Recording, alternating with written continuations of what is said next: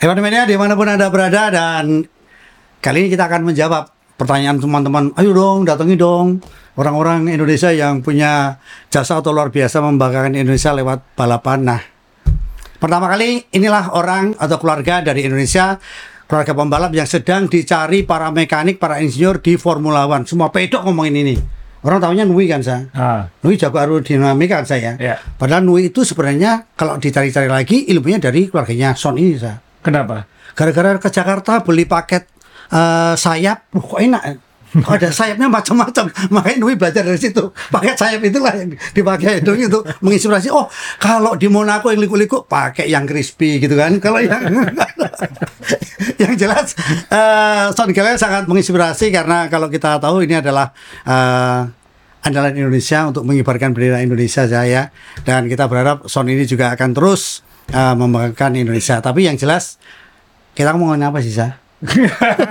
ya jadi ya sebenarnya kita mau dibawa ke mana gitu kan? kita sudah uh, lama sekali mencoba mencari waktu bersama Sean jadi kita tampil aja Sean uh, Sean Gelael Ya. uh, bintang tamu minggu ini terima kasih akhirnya bisa walaupun bisa muncul walaupun kita belum bisa ketemu langsung tapi uh, rasanya sebenarnya kalau saya meeting dengan Sean ini bukan hanya banyak jasa di dunia balap Mas Yo. Apa saja? dia ini sangat apa ya uh, pokoknya dunia olahraga itu dia banget bukan hanya Basket. basket uh, Ya. maksudnya perusahaan keluarga Son juga banyak kontribusi ke olahraga olahraga Betul, lain betul. Uh, Entertainment juga banyak bikin acara-acara olahraga yang walaupun Betul. sifatnya fun Ya. tapi itu saya yakin punya efek mengajak orang banyak olahraga Jadi ada edukasi. Iya, maksudnya ya berolahraga lah Iya. siapa pun anda gitu. Jadi uh, dan saya tahu dia uh, dia suka banget uh, anak muda dan olahraga dan lain-lain. Jadi ya kebetulan ini podcastnya balap. Kebetulan ini podcastnya balap gitu aja.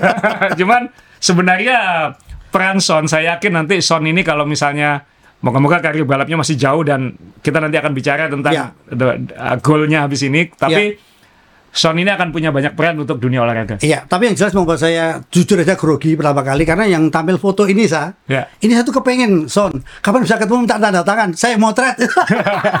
Jadi waktu ketemu langsung, uh foto saya gitu.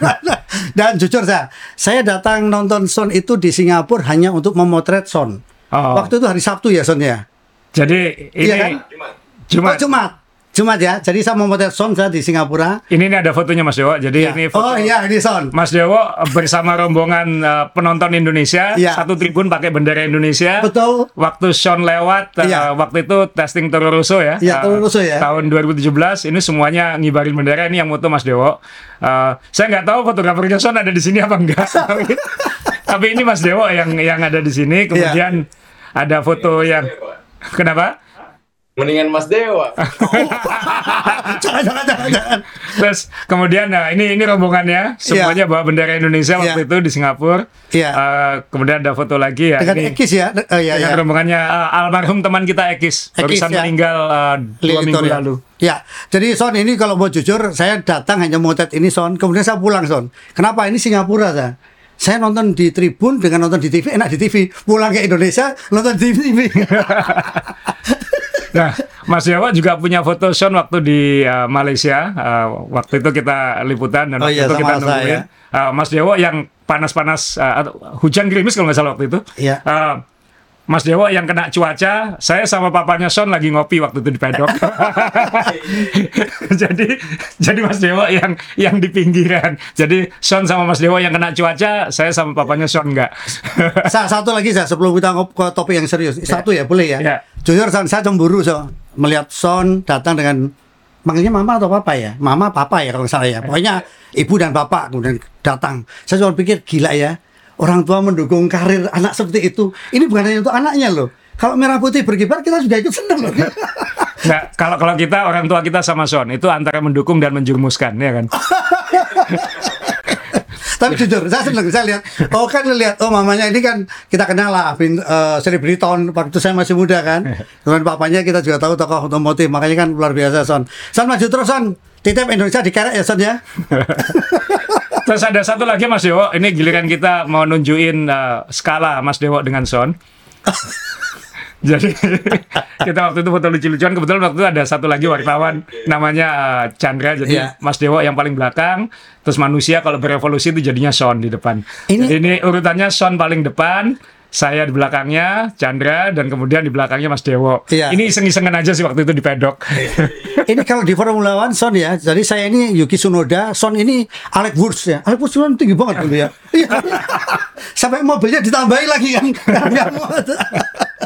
Jadi untuk teman-teman yang bingung skalanya Mas Dewo itu seperti apa, karena kan kalau di screen gini nggak kelihatan, nggak kenal orangnya. Jadi skalanya Mas Dewo itu seperti ini. Jadi ini saya itu manusia normal, tinggi normal, 175, Son 187, 190 mas. 190, wow, 190, saya 175. Mas Dewo, ya nggak usah dikasih tahu berapa Mas Dewo yang di belakang. Pak Weber dah. Pak Weber. Jadi ini ya di luar bercanda. Sorry Son ya, nggak apa-apa ya dibuka begini ya. Nah, Son boleh cerita nggak dulu? eh, ini kan pertanyaan semua lah. Em, Son itu dulu pertama balapan itu kan papanya memang gila balapan. Gila balapan. ya. Eh, keluarganya gila balapan. Jadi Son dulu itu di di jerumusin atau memang sudah suka balap duluan? Ini pertanyaan basic anak waktu masih kecil gimana?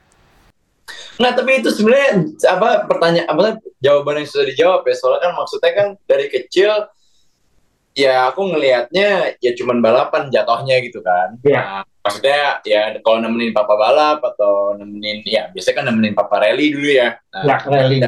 atau ke Palembang, Makassar ke mana-mana sama mama kan eh, ya nontonin dia terus. Jadi kan ya di suasana itulah atmosfer itu kan.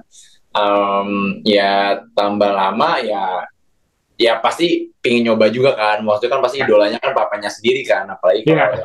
waktu itu ada yang menang kalah pasti ada lah. Tapi maksudnya kan kayak ngeliat terus kayak kepingin juga mau coba gitu-gitu. Jadi ya sebenarnya kalau ditanya em, aku tuh sangat sangat passionate dan, dan sangat cinta balap gitu. Um, Tapi ya aku sukanya tuh, maksudnya ini, ngomong ya awal, usul awalnya ya pasti karena bapak di dunia otomotif uh, pasti ke bawah dengan dengan dengan suasana semua. Tapi habis itu ya em- emang aku eh masih kurus. Nggak, eh, tapi ta- ta- tapi tapi emang aku ya, ya cinta otomotif ya maksudnya habis itu ya kepingin dengan diri sendiri dan suka dukanya pun ya kita terus karena ya passion kita sendiri. Passion saya sendiri lah ya.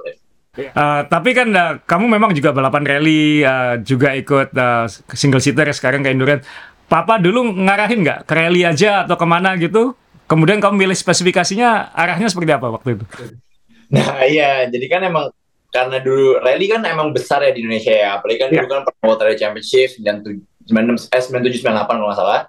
Um, abis itu karena papa udah ada mobil rally dan lain-lain kan pasti jurusnya lebih ke rally. Jadi emang dulu tuh awal usul malah aku nggak go kart dulu, aku emang langsung jatuh di mobil rally jatuhnya ya lewat mobil-mobil lah. Habis itu, um, tapi kan sebenarnya kesulitannya adalah kalau nyupir mobil rally itu atau ikut kompetisi rally kan kita harus ada SIM ya jatuhnya. Oh, pakai SIM juga ya? So- soalnya kan kalau rally itu eh, kalau bukan sprint ya kayak kalau rally itu kan ada lewat jalan rayanya. Oh, Jadi dulu itu tuh uh, untuk uh, kita bisa, aku bisa nyupir di balapannya ya aku jadi co-drivernya.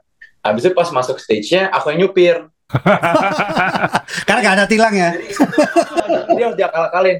Nah tapi kan tambah lama tambah ribet. Terus kalau kayak ke luar negeri, ke luar negeri, ke luar negeri itu tambah ribet juga. Iya.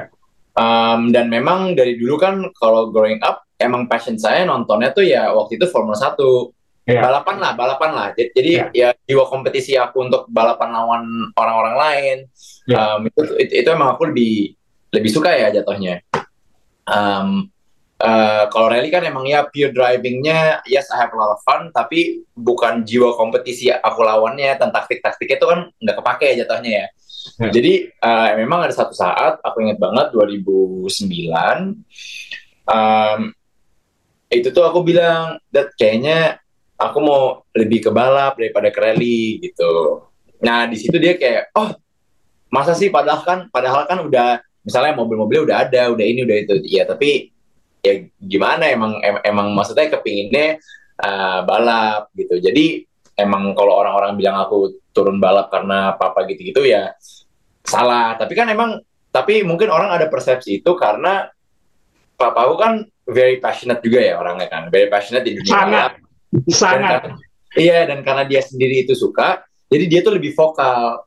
Sedangkan aku kan ya kalau dia udah vokal aku nggak usah vokal gitu loh, ngerti kan? Aku tuh begini aku aku fokusnya di ya nyupir aku aja. Jadi emang kalau di Indonesia aku tuh jarang eh, ngomongin tentang balapan. Tapi ya sebenarnya passionnya mungkin aku juga lebih lebih sama atau lebih besar lah. Tapi ya di diri aku sendiri aja gitu. Aku kan aku kan aku kan lebih sukanya tuh yang kayak di technical side, gimana kerja sama engineer-nya, taktiknya gitu-gitu kan. Pokoknya banyak hal yang behind the scenes-nya yang orang nggak bisa ngeliat. Nah itu kan em, kadang-kadang untuk diobrolin di sini masih kan maksudnya negara Indonesia maupun dulu ada dua pembalap yang sudah masuk uh, circle Formula 1 tapi balapan tuh masih lumayan awam lah ya Betul. ya kan, Iya kan bisa dibilang jadi ya uh, untuk waktu itu tuh untuk kayak ya seperti Mas Arzul yang passionate juga yang yang mau bikin podcast itu kan nggak banyak jadi yang lebih vokal tuh bapak ya papaku jadi makanya orang tuh kira oh dia tuh cuman kayak karena gitu-gitu jadi tapi sebenarnya ada gitu Iya, iya. Ya. Terus kemudian kan meniti karir, kemudian uh, sudah uh, uh, Jeep, uh, For- Formula 3, GP2, uh, Formula 2, kemudian uh, akhirnya memang uh, sempat uh, uji coba Uji mobil coba, ya. mobil F1 gitu. Nah, pengalaman dalam perjalanan itu uh, saya pernah dengar nih Son, kan saya kan saya Mas Soyo kan sering liputan di sirkuit gitu. Sering dengar misalnya dengan mobil Formula One modern, Son ini kalau boleh ada yang ngomong ini, Son ini badannya terlalu besar, terlalu tinggi, sepatunya terlalu gede gitu. Saya pernah ngerasain waktu di Formula BMW kaki saya aja 45, itu di dalam kokpit Formula BMW aja harus Ya, pakai speed sepatu ya. 44 kayak gitu. Nah, waktu itu Son sempat uh, mengalami masalah gitu. Ini ini anu aja, uh, santai aja misalnya Iya. perjalanannya itu. Jadi jadi pas di Formula 3 itu sulit karena Formula 3 itu lebih kecil sama kan mereka tuh tiga pedal ya. Jadi kokpitnya kecil, Ya. tiga pedal. Terus kan masalah kaki aku tuh gede kan, mas aku tuh empat Ya. setengah. Iya. Jadi tuh jadi kayak kadang-kadang tuh kalau kita mau nge-split itu aku banyak stuck ya. Jadi kan, kan kayak gini kan ya. Ya. Jadi jadi tuh banyak aku tuh nggak bisa kayak gini. Jadi kayak pedalnya harus kayak gini. Nah tapi Oh. kalau pedalnya kayak- pedalnya kayak gini, jadi kan aku aku nge-pressnya kayak gini kan. Ya. Nah, tapi pas kayak gitu berarti kakiku lebih dekat kan. Ya. Le- le- lebih mepet ya. ha.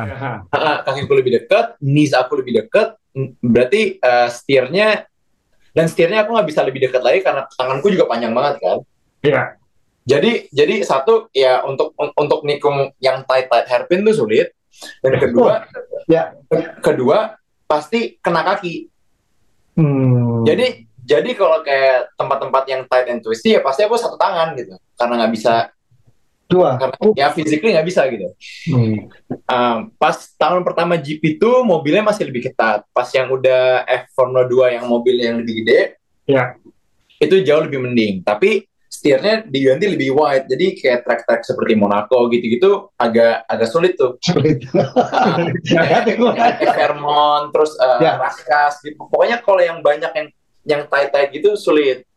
Ya. Nah pas pas uh, ya alhamdulillah dapat opportunity untuk untuk Toroso, uh, itu juga sulit banget dan mereka tuh lebih tight lagi. Jadi jadi wah itu udah sulit deh. Dan paling sulitnya tuh kalau udah udah udah udah kayak gini terus kalau mereka suruh ganti-ganti kan kalau di Formula 1 kan banyak minta changes untuk ganti kayak sensor inilah, motor- tombol-tombolnya itu. Tombol-tombol ya. Iya. Ah, ah.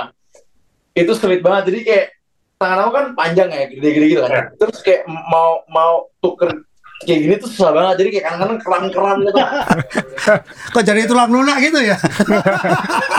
Misalkan kita di simulator latihan gitu kan latihan Iya. gitu. tapi kan di simulator kan nggak pakai bangku terus kan kok- kalau mobil balapnya kan banyak kayak extra extra wiring loom gitu-gitu loh. Jadi kan space-nya tambah lama tambah tambah kecil aja gitu. Jadi banyak nggak tahu sebenarnya kalau di dalam kokpit itu ada tambahan-tambahan barang-barang di dalam yang ganggu kita kan kayak gitu ya. Iya, jadi wah itu udah itu kita aku ingat banget itu seat fit pertama.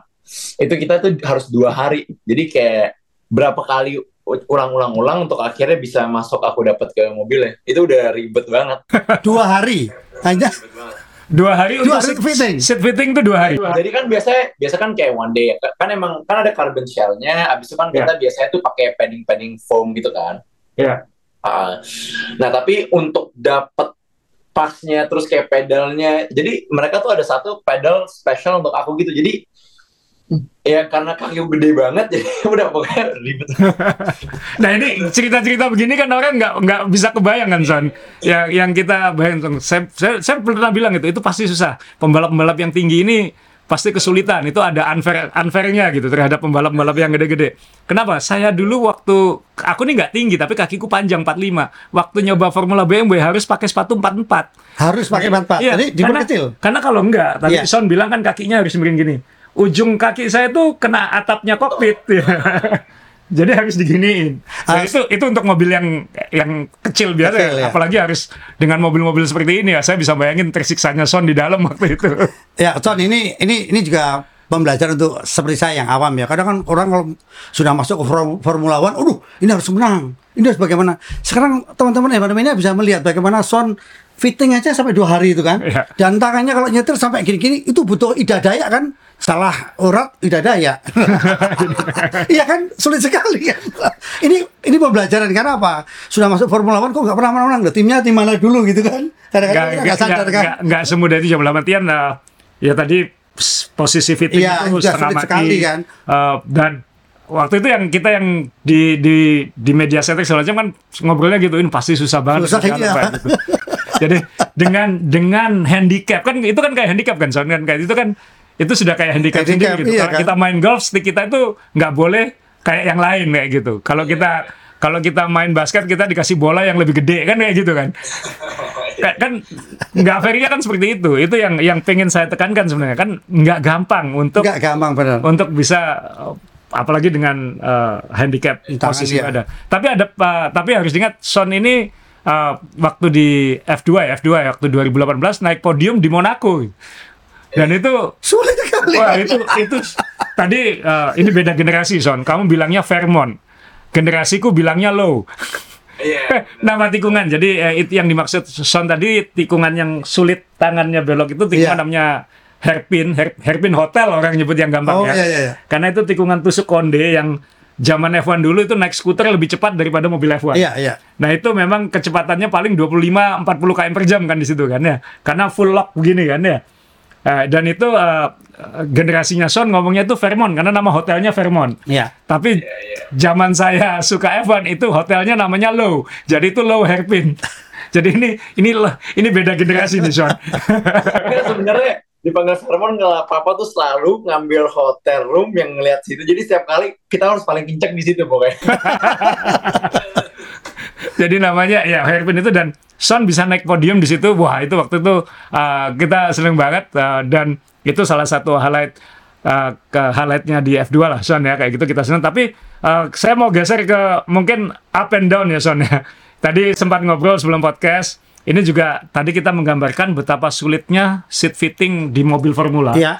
Dan ini yang saya ingin sampaikan karena menurut saya walaupun ini sudah terjadi dua tahun yang lalu, tapi media-media di Indonesia itu belum bisa menggambarkan sampai hari ini betapa mengerikannya tanda kutip mengerikannya risiko-risiko pembalap Son gitu. Itu yang Son yang punya teman yang meninggal di Spa tahun sebelumnya kan Son ya kayak gitu.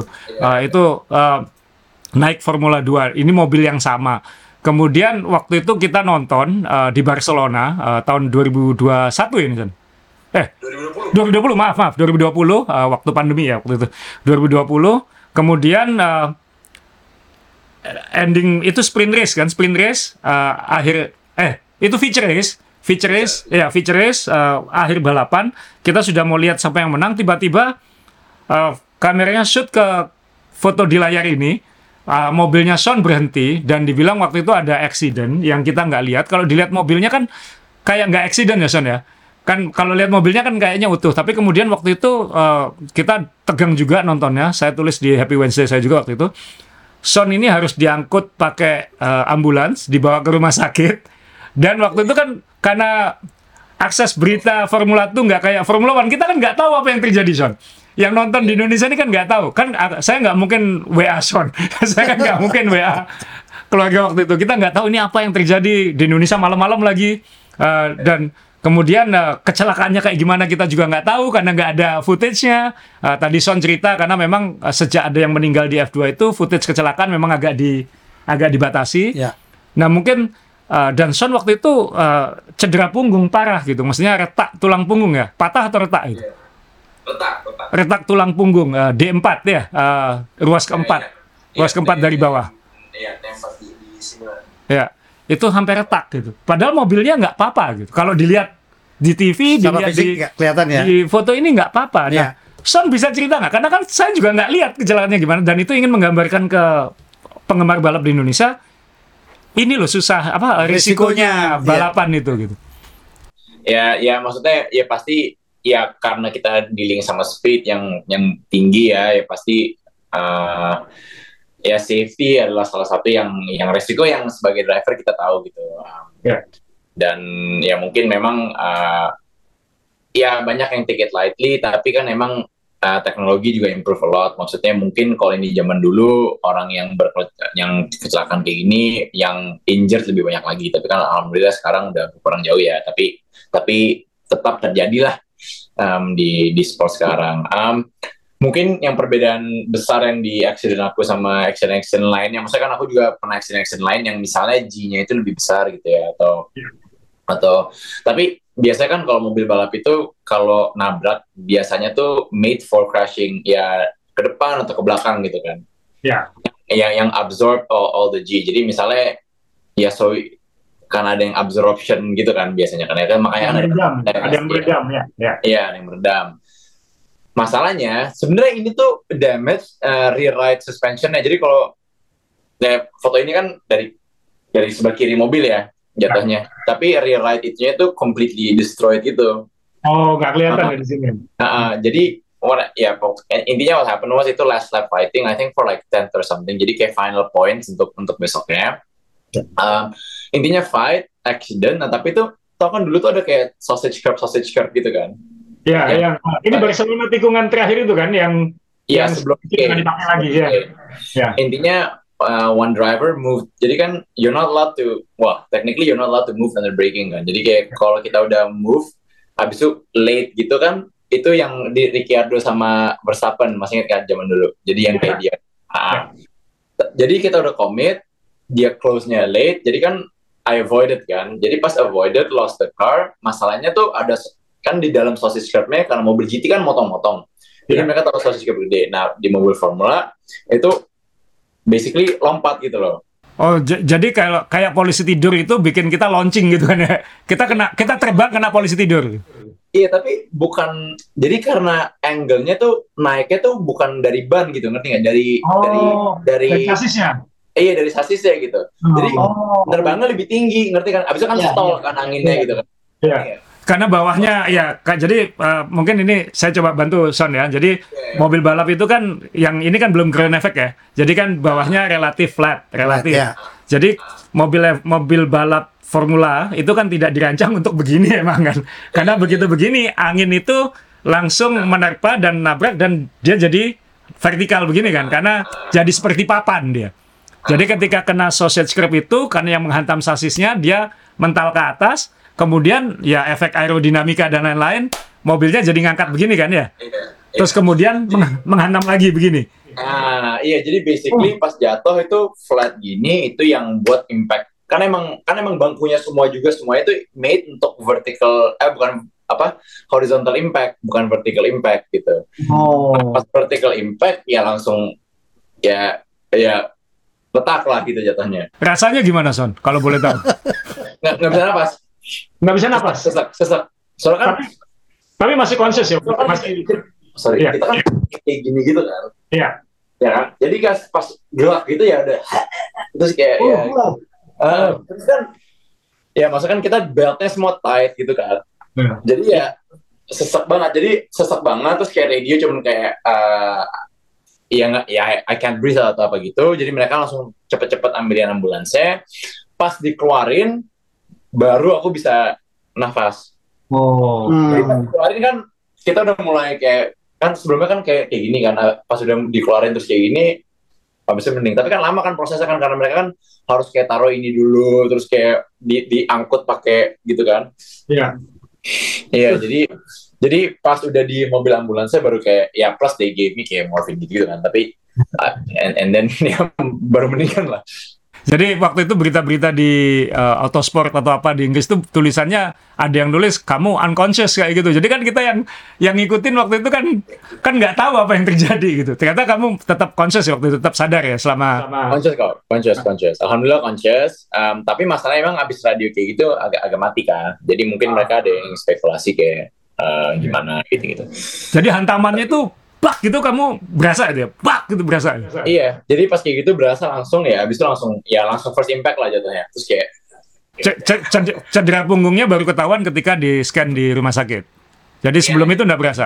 mananya kan, kayak ya ya siapa tahu kan bisa lebih ke bawah atau apa gitu kan. Tapi untungnya untungnya retak eh, retak di apa namanya tulangnya doang dan nggak disknya nggak nggak nggak slip nggak apa-apa jadi untungnya jadi recovery-nya cuma kayak tiga bulan lah tiga empat tiga empat tiga bulanan gitu jadi untung untungnya sih itu doang Tapi- itu aku juga mau bilang terima kasih banyak ke jadi waktu itu kan zaman covid juga Ya. jadi kan hospital juga lagi ribet banget dan yang ngebantu kita banyak tuh keluarganya Carlos Carlos Sainz Oh, oh, kalau saya. Ya.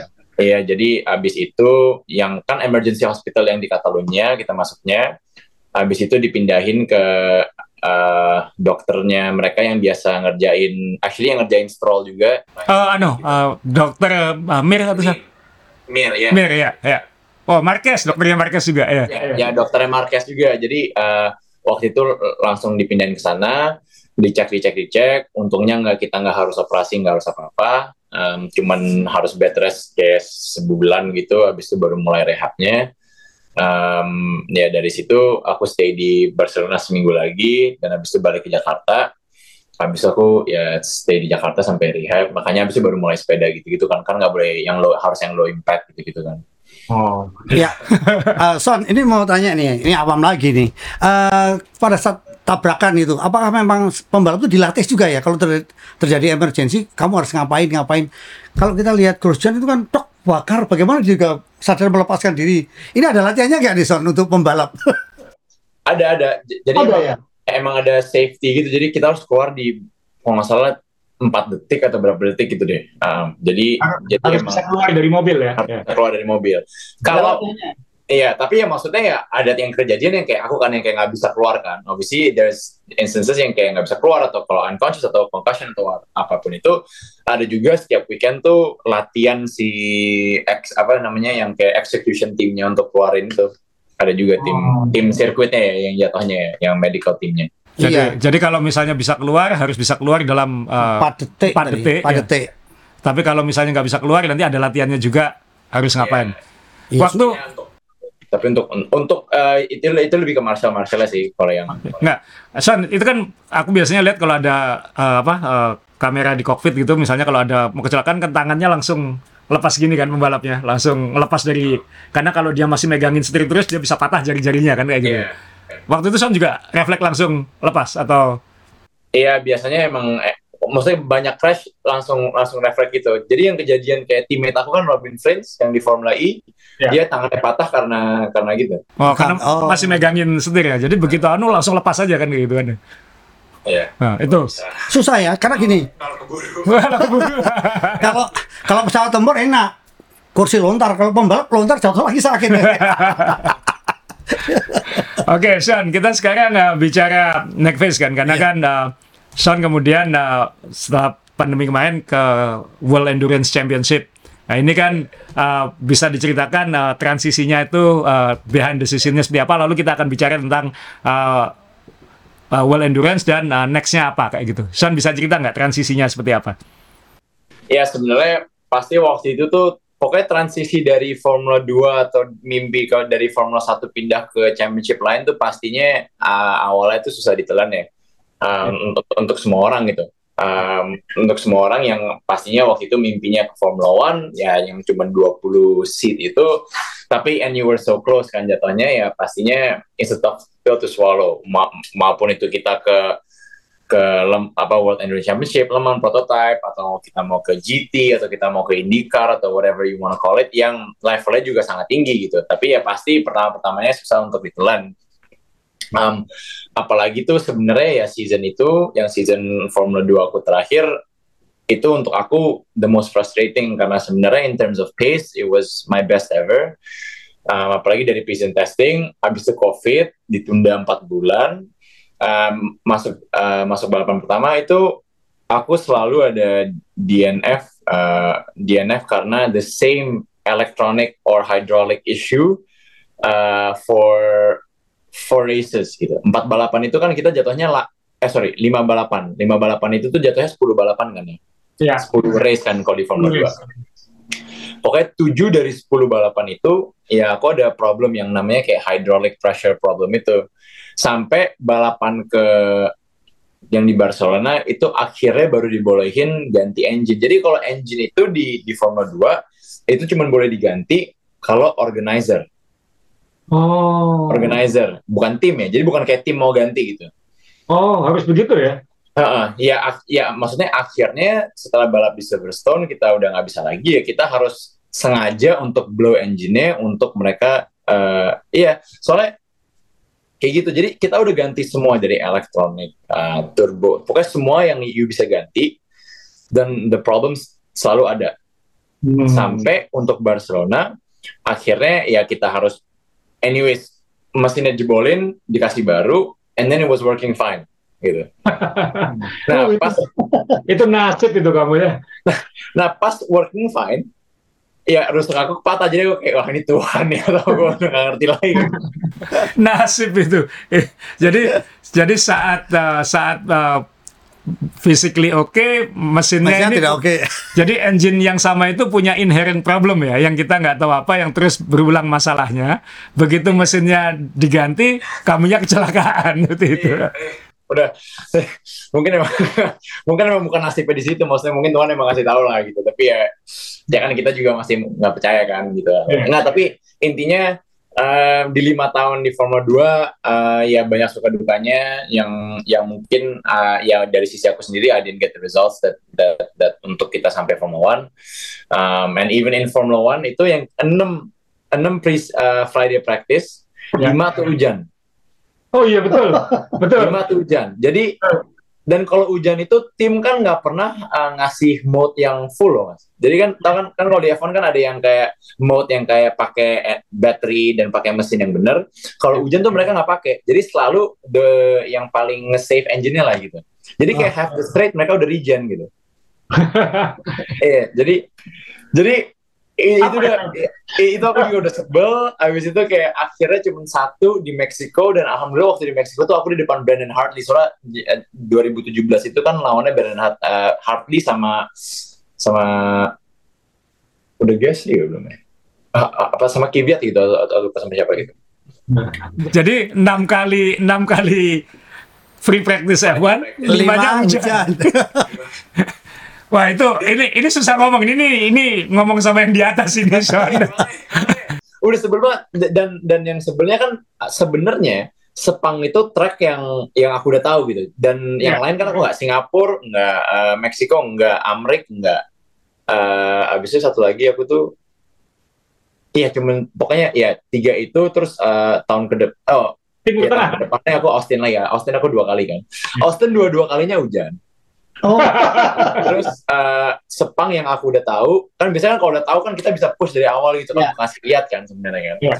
Eh, hujan jadi ya Iya, makanya tadi cerita waktu kamu eh, kena cuaca sama Mas Dewo, aku sama papa kamu ngopi di pendok kayak gitu di dalam. Aku bilang waktu ini apes juga ini ya gitu. masa aku ingat banget yang di Sepang tuh ke delay karena hujannya gede banget abis itu mengering jadi kita cuma kayak 30 menit terakhir doang kan kalau nggak salah Iya, nggak nggak full. iya wah udah Eh, saya ini tapi eh, Son ini menarik ya Son ya. Eh, dalam arti begini. Ini kan kita banyak yang tidak tahu kan, hal Iya. kecil tapi penting gitu kan. Iya. Jadi kan orang ke- kepengen Son harus podium terus gitu, tapi kan nggak tahu problemnya Son sendiri kan seperti ini, rumitnya seperti ini, cuaca, mobil. Tadi yang F2 yang tadi yang menggantinya dari organizer tadi. Iya. ya itu itu yang yang itu kita terima kasih karena itu akhirnya terungkap di sini. gitu. Iya, Jadi iya, orang, iya orang kan. bisa tahu udah the tahu whole kan. story ya. Iya kan? Nah, kemudian ketika ke WEC itu kenapa nggak ke rally misalnya Son? oh enggak karena karena aku emang ya jatuhnya kan karena kalau di WC ya dealnya semua ya masih lebih bagus kan mas? Soalnya kan jatuhnya kan aku masih fresh from from F2 ya semacam juga ada kolaborasi sama F1 and at that time uh, World Endurance Championship juga growing. So there was a lot of demand for drivers pindah ke sana juga. Um, jadi untuk dealing semua semuanya um, jauh lebih gampang. Soalnya sebenarnya juga ya mas rally itu kan kalau aku ikut rally aku kepinginnya pasti World Rally Championship kan? Betul. Pasti dong. Maksudnya kan karena waktu itu aku udah so close to ya jatuhnya kan ya World Championship uh, of course I want to commit to uh, World Championship. Dan level untuk World Rally Championship itu ngejarnya juga terlalu jauh. Let's say soalnya soalnya kan aku di aku di satu tim sama Kubika juga kan. Dan Kubika kan did that step. To be quick kita pasti bisa quick mas. Tapi masalahnya tuh untuk rally juga kan mereka kita lawan sama orang-orang yang udah misalnya latihan gravel dan lain-lain dari kecil dan udah tahu jalan-jalanannya dan masa di rally yes kalau kita ada kan di luar tuh kita rekinya cuma bisa 60 kph kan Iya. Iya kan. Terus uh, again trusting your notes lawan kayak sa- sama your co-driver is another thing gitu. Um, tapi kan kalau sama orang yang udah pernah jalanin dan niat on board setiap hari gitu, itu tuh again harus harus catch up lagi. Iya. Dan masalahnya kan um, sebenarnya masalah terbesar semua atlet lah, eh, terutama balap karena aku di balap ya. Tapi semua atlet yang di Indonesia adalah pas kita ke kompetisi dunia adalah jam terbang kita tuh sangat kecil. Sangat. sangat sangat kecil. Karena kompetisi kita tuh sangat rendah. Jatuhnya gini maksudnya. Pas go kart oke misalnya kita juara nasional. Tapi juara nasional itu kita cuma ada lima balapan per tahun lima. Lima balapan dan waktu itu cuma di sirkuit Sentul empat di sirkuit Sentul satu di Surabaya Ken- eh, apa namanya? Anjara. Jalan. Kenjeran Kenjeran. Ya kan? Cuman li- lima situ Dila, dibanding lawan misalnya yang kayak uh, Giovinazzi, Max gitu-gitu yang hampir ada balapan tiap minggu. Tiap weekend ya. dan tiap weekend. Dan waktu itu kita lima balapan misalnya aku di kelas senior gitu. Di kelas senior itu cuman ya 12 orang 12 orangnya sama-sama terus juga gitu loh ya kan? Ya, jadi level of, kan level of competitionnya segini gitu mas. Iya. sedangkan misalnya Max Verstappen balap di di Belanda ya kan minggu pertama. Habis itu minggu keduanya dia pindah ke Jerman ya kan? Karena balapannya lagi di Jerman atau tracknya di Jerman. Yang uh, misalnya lokal lokal Jermannya pasti lebih bagus kan dari dia kan? Jadi dia harus belajar terus memacu terus dia untuk lebih bagus dan belajar belajar track track yang berbeda skill skill yang berbeda fight fight yang berbeda di usia muda. Sedangkan kita yang akhirnya misalnya jadi kayak dia belajar di setahun tuh kayak kita belajar lima tahun di Indonesia gitu misalnya. Bisa 10 tahun, Son. kurikulumnya yang berbeda kurikulum. Jadi sebenarnya tuh banyak pembalap-pembalap Indonesia bertalenta yang sangat kencang pindah ke Eropa, the biggest thing, misalnya kita qualify bisa bagus ya, qualify warm up atau apa tuh bisa bagus. Tapi pas masuk balapan ya sering terjadi mundur atau kecelakaan. Karena satu kita nggak expect apa yang mereka mau. Jadi ya emang ada orang di sana ada isengnya juga untuk kita out di outin gitu-gitu kan. Kan banyak mental game apalagi kalau di go-kart kan keras ya. Jadi jadi ya akhirnya tahun pertama kita misalnya ke Eropa ya belajarnya ya untuk racecraft itu doang dan dan mentality untuk itu. Tapi masalahnya balik kalau kita balik dari Eropa balik ke Indonesia dengan mental yang sama dimusuhin. itu, itu, itu, itu udah pasti. Jadi yang susah, tuh, yang susah tuh balance of itunya gitu loh. Ya, ya. Dan kan dan kan masalahnya kan komunitasnya kalau di Indonesia kan kecil kan. Dan kita kan jatuhnya kan semua kan harusnya temenan gitu kan. Jadi susah balance gitu. Jadi untuk produce uh, a good athlete di Indonesia tuh untuk aku menurut aku tuh sulit banget. Itu itu bukan hanya balap, itu bukan hanya balap, itu semua. Bukan ada mana Ya, itu semua, ya. Kan Mas Azul tahu lah di, di Ya. basket lah, di bola lah. Oke, a- ada pemain luarnya, ada pemain ini, and it's building. Tapi ya again, it's susah untuk di Apalagi di balap ya, yang jumlah balapan, jumlah sirkuit, seperti itu. Tapi eh, tadi saya paham logikanya kenapa ke ke WC karena satu ini apa pun harus di level World Championship ya kan? Karena Son sudah level itu harus di level World Championship. Dan kalau di rally masuk akal kan kita nggak bisa latihan di jalannya Pak. iya. Kan kecepatan maksimumnya 60 km per jam gitu. Nggak, tadi saya bengong gini. Iya ya ternyata bukan hanya DNA ya. Bukan hanya teknologi ya. Di Indonesia kan budaya yang menghambat ya. Budaya juga. Nanti bengong iya ya budaya ya. Nanti agak sedikit bilang oh flexing sombong sombong. Oh angkuh gitu kan Nggak son orangnya humble banget loh. Lo makanya kan, orang humble seperti ini kan jadi sensitif kan, gak enak kan? dan sebenarnya ada lucunya juga sih kalau kenal Son lebih lama sih. Iya Cuma, kan? cuman Son, ini kita ke WC ya kan. Dan saya suka kenapa WC ini dalam tiga tahun terakhir setelah COVID, saya juga mulai nangkep ini kayaknya lagi pengen ke era kemasan baru gitu. Tadi sebelum kita podcast Mas Dewa, sebelum Iya. sebelum datang, saya sempat bercanda ke Son. Son, saya mau nunjukin foto ini Son. Saya nunjukin foto mobil uh, Mazda prototype tahun 89. Ini apa? Ini mobil leman favorit saya sepanjang masa gitu Iya. dan dan ternyata Son juga suka mobil ini gitu. Nah, ini kan zaman itu Mas Jo, zaman akhir 80-an, 90-an itu, Le Mans itu prototype racing itu mungkin sama F1 mungkin sama-sama tingginya gitu, sama-sama oh, nggak boleh dilewatin apalagi Kastanya tinggi semua ya. mobilnya keren ya? Iya. speednya malah lebih tinggi mah dibandingin sama sama F1 kayak gitu. Jadi Son eh, ini kan eh, prototype racing ini atau World Endurance Racing ini akan jadi kembali ke masa emasnya dulu. Kenapa? Karena dengan regulasi baru hypercar ini, kemudian banyak pabrikan-pabrikan baru yang mau masuk, Masuk, ya. dan saya rasa Son masuk di momen yang pas gitu, karena Son akan jadi bagian dari growing itu gitu Iya. kan kan ketika jadi bagian dari growing itu akan jadi lebih mengakar ya di situ gitu. Iya. Bayangan saya sih, saya nggak tahu dari Son seperti apa. Iya. Son eh, 2021 masuk di kelas LMP2 itu prototype eh, itu saya nggak mau ngomong tuh level kedua Son ya karena kan bedanya factory sama enggak. Itu sebenarnya mirip-mirip tapi eh, beda kategori dengan yang hypercar Iya. dan langsung podium di Le Mans waktu itu. Eh, podium Le Mans dan itu kita sempat bahas di podcast ini juga waktu Son podium. Nah, kemudian eh, timnya juga eh, dari Jota ke WRT sekarang juga banyak podiumnya, segala banyak kemenangannya juga.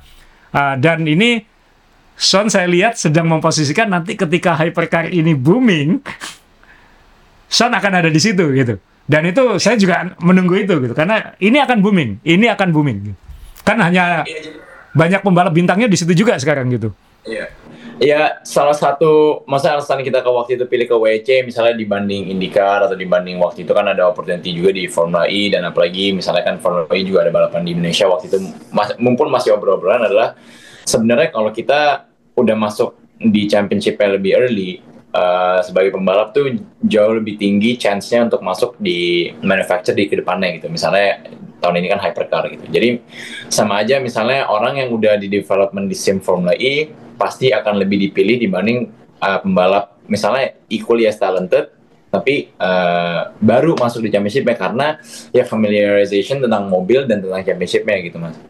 Jadi Anda Anda punya head start kan? Anda punya aku punya pengalaman nih, aku duluan gitu prioritasnya kan kayak gitu. Ada begitunya Ya, kalau dibandingin ya. ada experience-nya di, di di championship ini jadi kan uh, ya pasti kita tahu misalnya bukan trik-trik lah tapi ki- kita tahu kayak uh, how the championship goes dan approach to the race-nya kan pasti beda-beda ya approach race ini dibanding misalnya race Formula E, Formula One dan lain-lain gitu.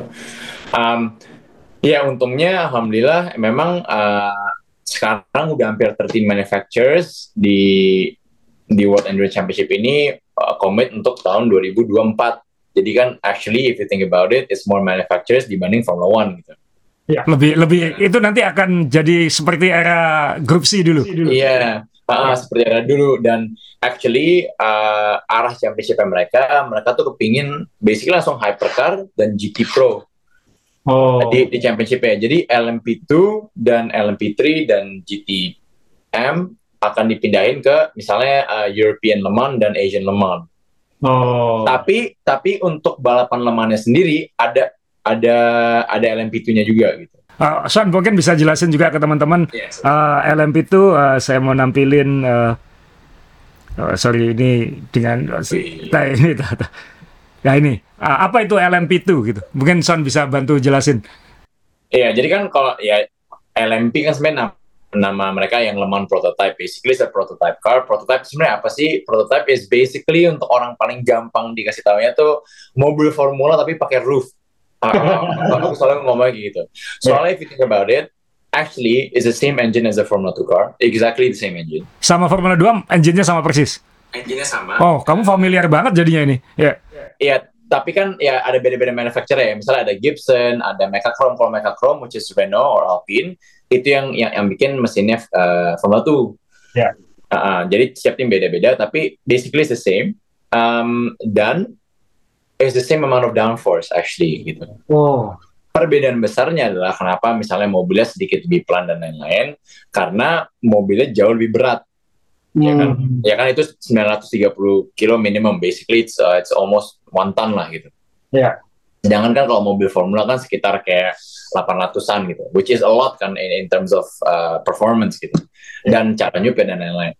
Um, uh, jadi basically uh, prototype ini kan ya kayak Mas Azrul bilang itu it's not a GT car karena mobil GT kan bener-bener ya mobil yang dijual di jalanan Ya, harus production base. Ya. ya ma- mass production based ya di obviously specified into a very high spec racing car gitu kan.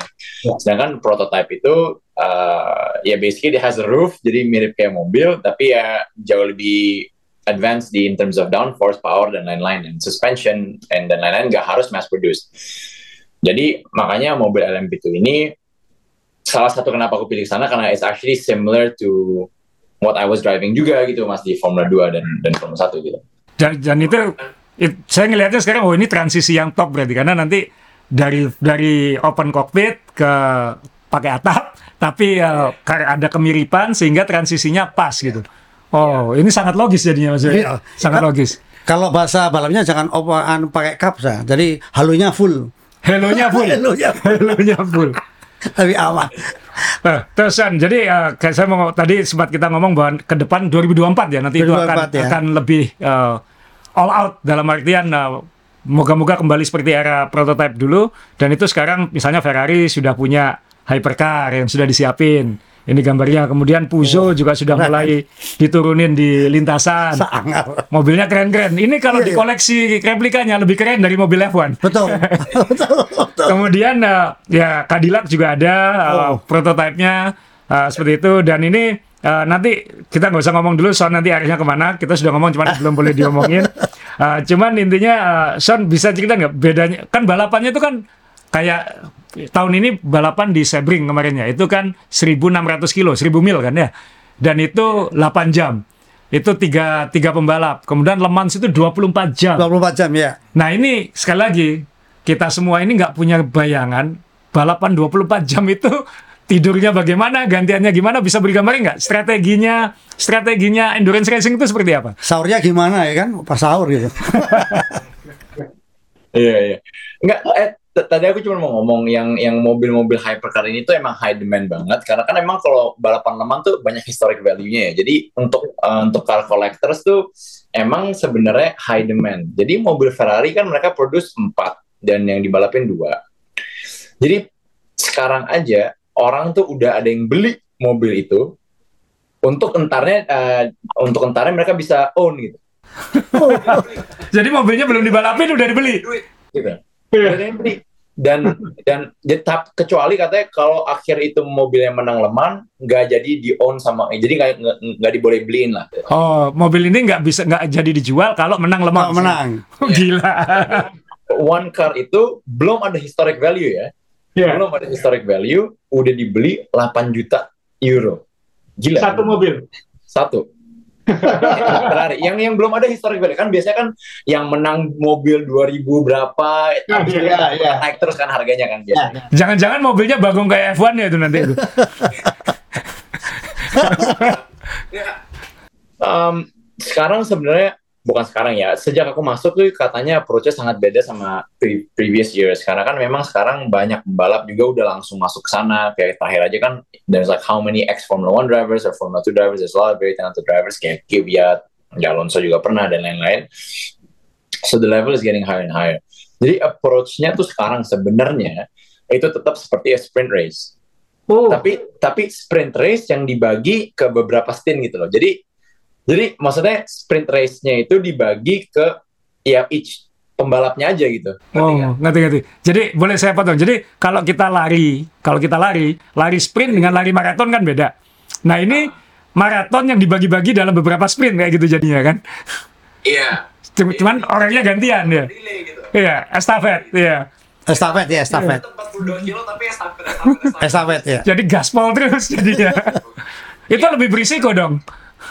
Jadi balapannya tetap gaspol ya, tapi obviously masih ada yang kayak ya you need to save misalnya fuel ini, tapi itu kan masuk ke strategi kan. Soalnya kan di Formula One juga ada save fueling dan lain-lain ya. Ya. Jadi jadi uh, mental approach-nya is still very much like a sprint race. You cannot lose a lot of time. You cannot ini. Cuman bedanya kalau kita hilang pun there's more time to recover dan more time juga untuk orang bikin mistakes kan. Iya, iya. Jatuhnya, dalam teori gitu. Iya. Tapi in terms of approach of driving, it's very much like a sprint race. Soalnya ya, soalnya sekarang tuh ya kita fightnya sama lah ten ten ten ten doang gitu. It's so tight gitu. Nah, berarti itu kalau kalau boleh tahu itu misalnya ketika balapan 24 jam, berarti kan eh, ada tidurnya kan tetap atau nggak bisa tidur kalau kayak gitu. Uh, ada. Jadi, kalau yang kayak 6 dan 8 jam itu sebenarnya very simple uh, tergantung pembalapnya. Biasanya tuh you masuk uh, 4 stints ya. Jadi satu stints tuh uh, bisa di dalam mobil tuh biasanya dua stint. Ya. Dua satu stint itu adalah um, saat mobil sebelum di review lagi gitu. Jadi misalnya satu stint tuh biasanya 45 menit untuk mobil LMP2. Ya. Um, jadi biasanya ya itu jatuhnya kayak you balap lagi, misalnya you balap sejam, eh, eh, sejam setengah di waktu itu, you keluar mobil, teammate tergantung strategi, habis itu masuk lagi, and then you do your best again. Nah, Ya, jadi simple lah kan gitu, maksudnya kalau normal weekend yang 6 jam, 8 jam lumayan simple approach-nya untuk sebagai pembalap. Tapi kalau yang 24 hours is very different karena again ngatur sleep-nya dan pembalap kan juga banyak strengths-nya dan beda-beda ya. Jadi misalnya ada yang is very consistent, very consistent at night, beda juga, very aggressive di Hmm. traffic dan dan gitu-gitu kan it plays a lot dan fisiknya juga misalnya ada orang yang perlu rest time lebih banyak, ada orang yang enggak. Jadi when when the team picks a certain driver lineup, ya itu semua udah dipikirin gitu mas. Jadi misalnya kalau aku misalnya role-nya tuh lebih kayak aku selalu ambil start misalnya gitu. Ada ada yang misalnya fokus di quali doang, ada yang fokus di eh, ntar fokus di misalnya uh, stints-nya mungkin lebih banyak atau apa gitu karena ada fokus-fokus termasing yang they could exert maximum uh, Potential skill-nya lah. masing-masing. Ah, Iya, masing-masing. iya, iya. Anyways, kalau kalau du- 20 kalau 24 jam Ya. ada rule basically kita tuh nggak boleh nyupir eh, tiga tiga jam di di lima jam gitu. Oh, jadi dalam dalam 5 jam itu tidak boleh 3 jam. Nggak boleh lebih dari Lebih dari tiga jam. Ada rest periodnya. Kayak kayak sopir bus di Spanyol tuh. Kan Iya kan di sini juga sama tiga jam. Harusnya istirahat harus gitu kan. berhenti. Iya. Iya. Tapi eh, jatuhnya kalau rest time-nya itu tergantung beda-beda sih. Jadi kadang-kadang kan misalnya kalau aku biasanya kayak waktu pas di Dubai aku nyupir mayoritas malam gitu. Ya. Um, karena misalnya aku bisa ya exploit the best there. Tapi rest time-nya kayak tahun lalu tuh aku tidur paling ya aku 45 menit lah. Aku tuh tidur jam jam 4 sampai jam ya 4.45 lah jatuhnya gitu. Oh. Jadi Soalnya fisiknya soalnya biasanya tuh the first 8 to 10 hours itu kemungkinan banyak strategi ganti, Mas. Jadi kita Oh. harus standby. Iya. Karena situasi lombanya developnya bisa macam-macam kan. Misalnya jam Iya, jam ke-10 ada apa. B, C, D, E gitu-gitu kan, Iya. pasti strategi kan. Dan dari itu juga kan kita pasti ngikutin kan. Ngikutin tuh kita pasti ya kan jatuhnya extra eyes untuk strategi gitu kan. Iya. Kayak Kita misalnya ngeliat oh misalnya kalau kita undercut satu lap atau kita masuk pas safety car ini atau pas kita gini ini kan pasti ada aja kan mas. Jadi ya kita kita juga very into it dan jatuhnya ya susah susah untuk switch off. Tapi yang penting adalah harus switch off di saat yang kita harus rest. Jadi coba untuk ngikutin balapnya, coba untuk ngikutin. Ya dalam teori ya, tapi kan susah ya pas as- aslinya ya. Apalagi kalau kita ketat fight gitu kan. Ya, yang yang Lemans itu podium kamu agak ketat itu saingannya waktu itu ya. Iya, kita udah gila itu habis 24 jam akhirnya cuma 0,7 detik. Udah, itu udah. Itu. Tapi tapi yang menarik ini Sa, ini kebetulan kan eh, Son terima kasih karena IO saya selalu dipakai eh, KFC untuk bikin nonton bareng.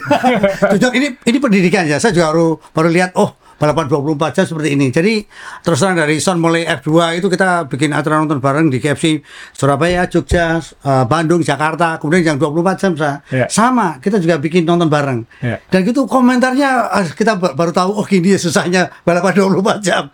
Son itu ada nggak eh, strategi misalnya oh ini mumpung uh, traffic jagoannya traffic siapa? Oh ini udah mulai pecah siapa yang jago eh, kenceng terus itu bisa dibolak-balik nggak tadi strateginya tadi eh, orangnya? Jadi komposisi orangnya bisa ya?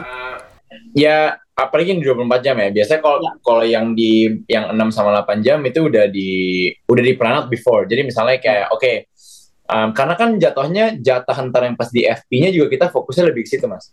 Oh. For example ya, for example kan misalnya kalau misalnya teammate aku Robin, Robin itu untuk qualifying aku nge-start uh, Habsburg bakal yang let's say do one more stint atau yang paling banyak save tire atau whatever it is gitu kan.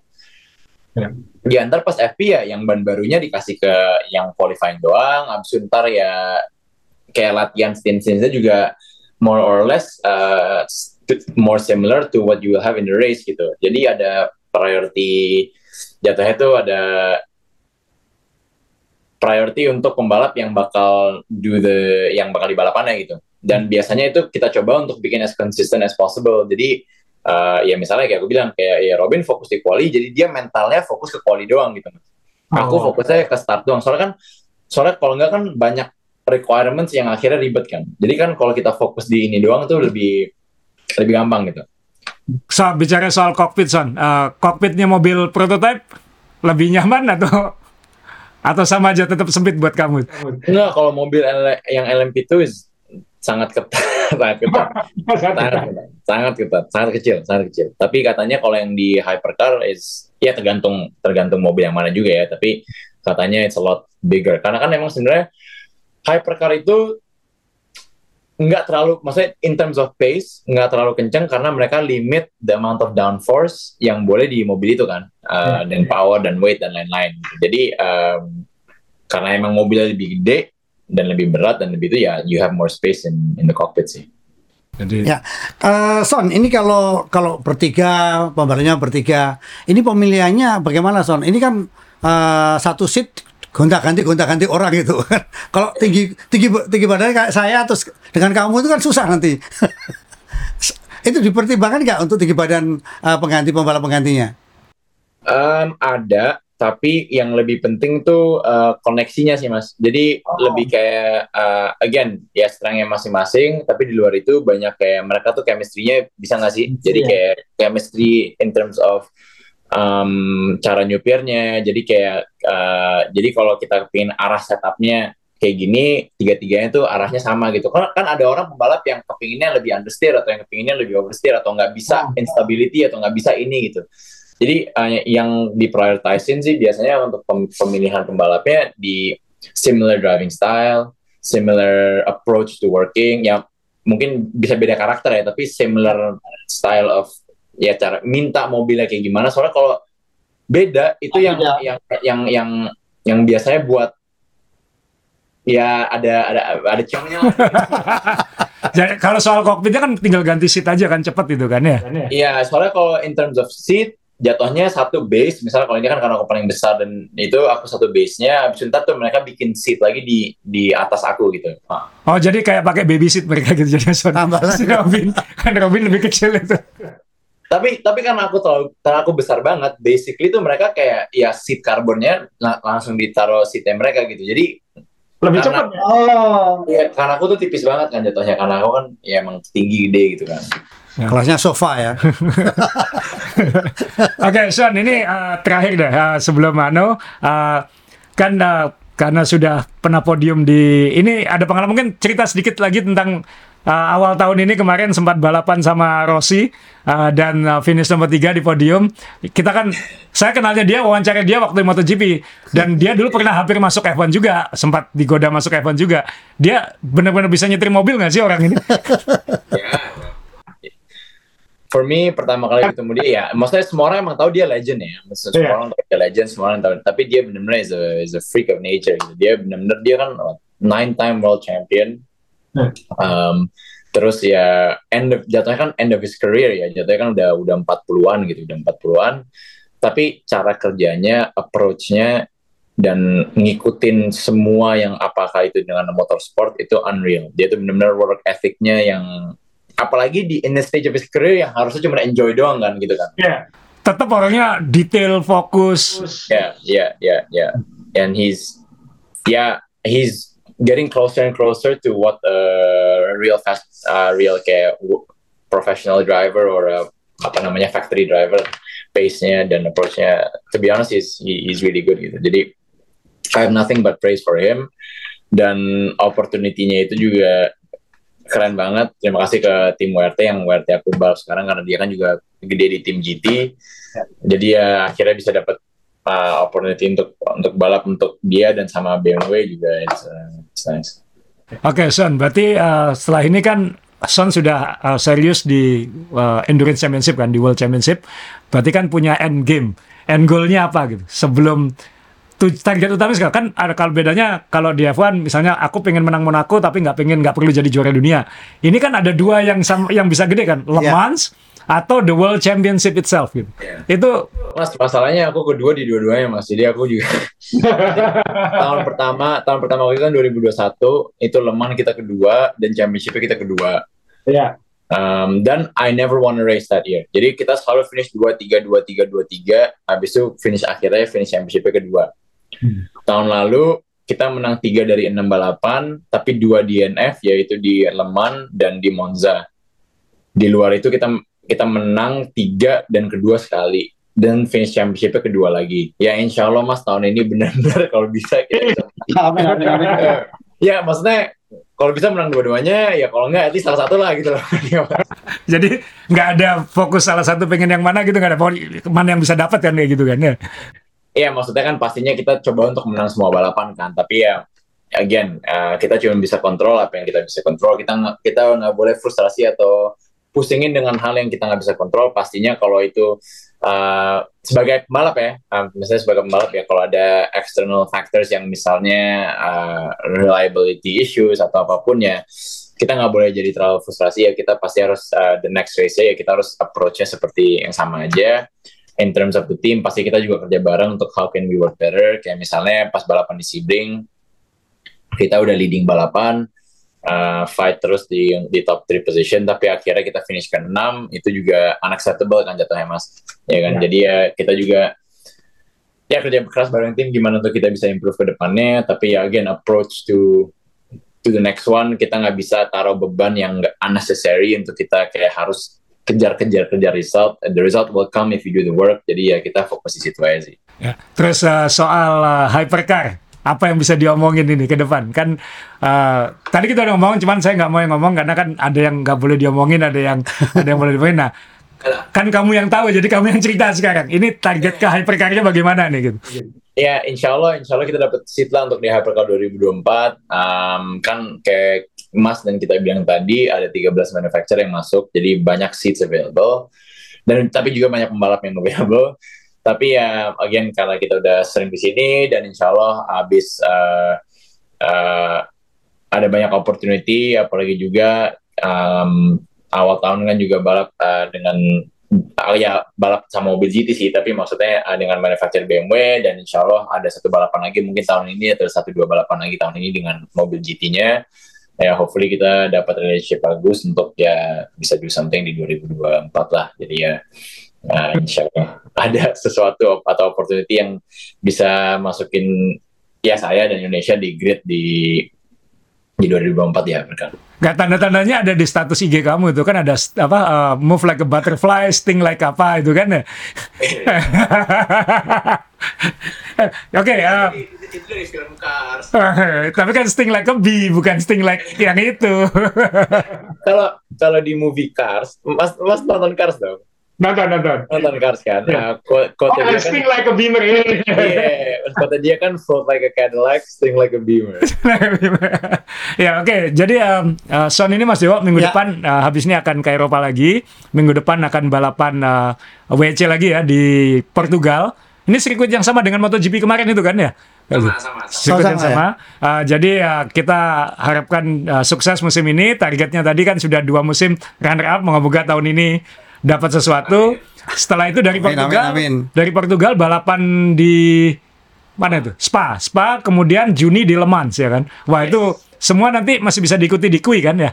Bisa di, Masih, jadi teman-teman bisa nonton di di Kui, uh, di Kui. channel Kui untuk ngikuti lombanya. Uh, sekarang kita sudah kenal Son lebih Dekat. lebih dekat lagi. jadi kita ikuti perkembangannya. Ini World Championship dan uh, kita tunggu uh, kiprahnya nanti di Hypercar, Insya Allah ya, kayak gitu. Amin, Nah, dan sa- satu lagi Mas, saya cuman saya akan menanyakan lagi nih Son. Kan uh, Ya.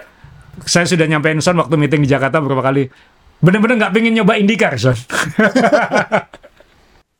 Nah mas, soalnya again, yang kayak gitu-gitu tuh harus early mas. Jadi misalnya Ya. kalau kita transit, misalnya aku pas fresh dari empat uh, dari Formula 2, aku transition cepat ke IndyCar, uh, opportunity lebih besar.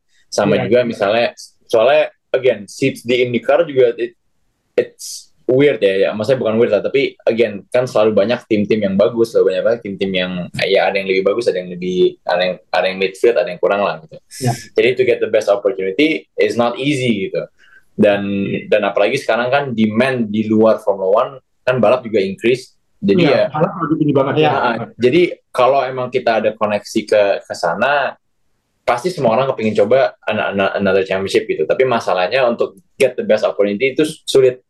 Jadi makanya waktu itu pertama kali kita pindah we saw uh, W- WEC ke depannya adalah the best fit untuk misalnya the best fit untuk aku dan ke depannya karena memang aku dari dari dari kecil I want to be a, a factory driver. And I think this was the best opportunity for me to become a factory driver. Jadi ya it- it- it- itu jurus yang aku pilih gitu sebenarnya. Tapi ya maksudnya kalau mau coba ya pasti mau coba. Tapi kan kalau kita siapa tahu ke depannya karena aku di tim ini dan ada koneksi ke tim ini dan akhirnya bisa dapat tes gitu kan kan banyak kan kita nggak tahu kan misalnya. Kenapa enggak kayak gitu kan ya? ya kan kan misalnya Colton Herta yang IndyCar juga ikut Daytona sama sama BMW tahun ini gitu misalnya. Atau atau sebaliknya misalnya siapa lah gitu. Jadi ya, Pasti ada. Tapi nggak apa-apa, tekuni, tekuni dulu di WC ini kita tunggu karena banyak podiumnya dan Iya, baik iya. buat Indonesia. Uh, dan nanti kita tunggu uh, dan ini benar sekali lagi harus ditegesin. WEC ini atau prototype racing ini akan jadi the next big thing kalau menurut saya sih. Karena dulunya kan begitu dulunya kan hanya F1 dan prototype yang lain-lain itu nggak nggak nggak jadi dihitung ya. dan ini sedang menuju ke sana lagi dan berapa manufacturer tahun depan? 13 kan 13 13 pabrikan mas Jo Ush. di F1 cuma berapa sekarang 4 kayak gitu Tiga empat, ya Tinggal kurang lebih empat. empat ya. Jadi ini akan jadi uh, sesuatu yang besar dan booming dan Le Mans akan kembali jadi balapan paling diagungkan seperti dulu dan kita akan punya pembalap Indonesia di sana yang sudah nyenggol-nyenggol juara nih kan ya gitu. Sudah podium terus tiga satunya aja kan. Eh, Son, ini ini ini pertanyaan naif tapi perlu saya tanyakan. Di uh, main balap ini yang yang senang itu ternyata juga banyak anak-anak muda kan yang baru senang Formula One dan sebagai suka balap gitu. Kalau eh, pembalap Formula One yang dekat sama Son siapa? Yang benar-benar dekat gitu kan. Kita pengen tahu juga. Apakah dekat atau ngefans? Eh, yang dekat. Jadi teman-teman eh, pembalap Formula One yang ber- eh, berteman dekat sama Son. Oh, listnya listnya banyak mas yang tahu? Satu tim semua di F2 itu. Karena, karena begini, Ma- masalahnya sekarang tuh kan uh, semua tuh jatuhnya semua yang yang masuk mayoritas kan umuran generasi aku semua. Jadi kayak even, even even kayak Max, Max kan sama aku uh, setahun di Formula 3. Obviously aku kenal dia. Jadi uh, ya kalau kita ngo- ya, tapi jatuhnya kayak nyombong ya. Tapi ya Max Max, Charles, uh, Carlos, obviously kan dia juga bantu aku di itunya uh, pas di, pas di Ya. Barcelona. Um, ya George, ini ini ini yang kenal de- kenal pemain kayak kayak sering ngobrol gitu kan maksudnya Iya, iya, iya. atau kayak mas atau kayak kalau kenal juga dibilang kenal gitu. Ya, yang paling dekat, yang Ya, paling dekat. dekat. Atau tahu-tahu pernah datang ke rumah atau ke Bali bareng kita kan nggak tahu. Yang yang jadi sahabat lah, Antonio. Ya, ya. Oke, aku kalau aku ngomong sah- sahabat dekat aja deh ya, soalnya mayoritas pasti kenal. Ah, Sahabat dekat tahun ini ya pasti ya Antonio, tapi Antonio kan udah gak di sana. kalau Antonio kan itu kayak ya kakak ade lah jatuhnya ya. Ah, tapi, sih Mas. Ya. Tapi Pierre Gasly yang really close, um, sering liburan bareng, sering sering main-main, sering ngobrol, uh, sering ya bisa dibilang curhat-curhatan. Um, uh, Tolong dulu. nggak yang yang nggak deket tuh aku dia doang sebenarnya Ah, karena pernah kayak pernah kayak tabrakan sekali terus kayak nggak nggak cocok kayak gitu loh um, eh, ya maksudnya Carlos aku sering main golf kadang-kadang sama dia. Terus eh, ya even- even Ocon I'm quite close. Um, De Vries karena sering se- dari dulu kan terus kayak papa pernah bantuin dia jadi kayak ya lumayan deket juga. Um, tahun ini ya mungkin kalau yang paling dekat sekarang ya pastinya Pierre jadi kepingin dia bagus. George juga salah satu orang yang sebenarnya sangat ramah sangat baik dan nggak pernah lupa orang um, siapa lagi Sargent I'm really close as well yang baru Oh, Logan Sargent ya. Iya. Ya, karena trainernya di Inggris tuh sama jadi kita sering train bareng um, ya Alex Albon these guys soalnya kan semua Satu angkatan ini. Iya, sama. Satu angkatan semua ini. soalnya satu angkatan jadi pasti kita ma- apa main-main terus tapi kalau dibilang temen deket ya ya semua temen tapi yang paling temen deket yang kalau kayak misalnya liburan aku pilih yes aku mau liburan sama dia ya ya Pierre. Um, kalau Charles itu karena banyak teman-teman deket juga kayak kan Norman Nato itu aku timis dan temen deket dan dia tuh temen deket sama kakak adiknya Charles. Jadi kayak kadang-kadang pergi sering bareng juga um, ya gitu-gitu sih. Mungkin kalau yang lebih tua ya kayak maksudnya kayak ya kenal tapi kayak Louis tuh misalnya trainer aku setel dia tuh sebelum Angela tuh ada trainer namanya Ville dan Ville setelah sama dia tuh sama Stroll abis itu ke aku. Oh Stroll fuck. Ya Stroll. He's also very close.